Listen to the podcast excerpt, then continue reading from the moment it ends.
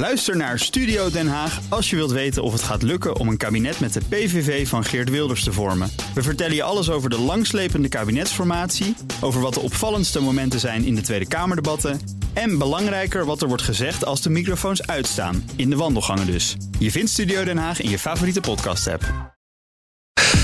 Mobility Update. Ja, Nout Broekhoff, goedemorgen. Goedemorgen. Een overzicht van belangrijkste mobiliteitsnieuws met Nout Broekhoff. We beginnen met nieuws over betalen naar gebruik. De kilometerheffing. Het is uh, onontkoombaar voor een nieuw kabinet, zegt uh, Ed Nijpels. Hij is voorzitter van het Klimaatberaad en natuurlijk prominent VVD'er. Hij heeft een brief gestuurd aan de aanstaande informateur. Hij is er vroeg bij, zullen we maar zeggen.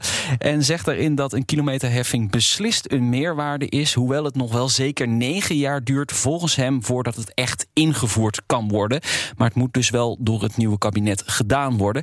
Het is natuurlijk wel opmerkelijk, want de VVD zijn partij is jarenlang tegen hè, de kilometerheffing. Nou, nu is er een nieuw verkiezingsprogramma en daar staat het in op een manier. Je kunt er nog alle kanten mee op. Nou ja, ze zeggen eigenlijk voor elektrische auto's willen wij op termijn een heffing per kilometer. Omdat dan de accijns helemaal wegvalt. En dan gaan de inkomsten bij de overheid helemaal naar beneden. Dus ze willen eigenlijk een kilometerheffing voor elektrische auto's. Ja, nou, aanstaande vrijdag tijdens het uh, grote ja. autodebat hier op BNR is dit een van de stellingen natuurlijk. Zeker. Dus uh, ja. dan uh, om twee uur inschakelen, dan hoor je er van alles over.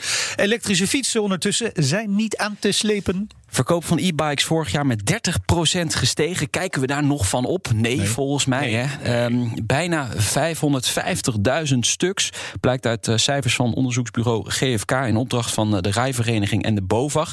Nou, die omzet die is ook lekker omhoog geschoten. Meer dan 30% naar bijna 1,7 miljard euro. Valt dus toch wel redelijk wat te ja. verdienen in ja. de elektrische fietsen. Een verdubbeling ten opzichte van 10 jaar geleden. In totaal werden er afgelopen jaar bijna 1,1 miljoen fietsen verkocht. En de reden, ja, ik denk toch de coronacrisis. Hè. Individueel vervoer vinden we belangrijk, maar ook een beetje recreatie ja. natuurlijk. Dan is er opnieuw verzet tegen de verbreding van de A27 bij Amelisweert. Ja, meer wegen bijbouwen of niet? Dat is een discussie die nu gaande is. Dit keer uh, door bekende Nederlanders. Uh, Carice van Houten onder meer, Barry Atsma, Maarten van Rossum. Ze zijn tegen die verbreding. Het plan dat verkeersminister Cora van Nieuwenhuizen eind vorig jaar groen licht gaf voor die uh, verbreding van de A27 daar. Nou, die BN'ers laten dat weten via een uh, gedicht in de vorm van een video. Daar is het weer. Het beest, het asfaltmonster. Dat het landgoed voor een tweede keer wil slopen. Ja, daar heb je hem weer. Die vervelende verbreding.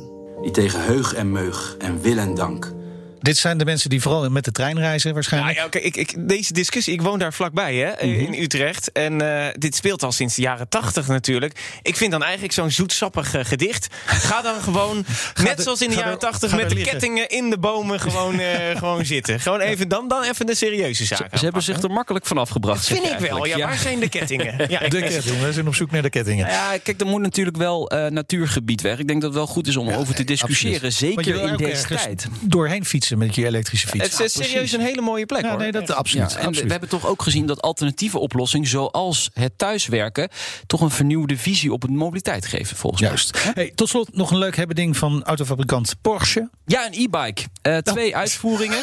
Die springt ook even in, in het ja, gat hoor. Wil ik hebben. Zeker. Ja, daar is geld mee te verdienen, dat hoor je net. Zo, inderdaad. Ja. Uh, er komen twee uitvoeringen, een sport en een cross. En je moet het volgens Porsche echt zien als een verlengstuk van je auto. Dus niet als vervanging natuurlijk. En het is best wel een stoer ding. Het is een soort mountainbike. Um, gemaakt in samenwerking met een Duitse producent. En dan vraag je je natuurlijk af, kost wat kost ja. dat? Ja, dat dacht ik al. De cross, dus die echt voor het terrein is, 7000 euro. En de sport, 9000 euro. Het is wel de meest toegankelijke manier om een Porsche te ja, bezitten, denk ik. Als, als hij uh, net zo snel gaat op de Nürburgring als een Porsche, dan koop ik hem. nou, kijk aan. Moet je hard fietsen, Kees. ja. Dankjewel, Nout. BNR Mobility Update wordt mede mogelijk gemaakt door Together, Mobink en ALD Automotive.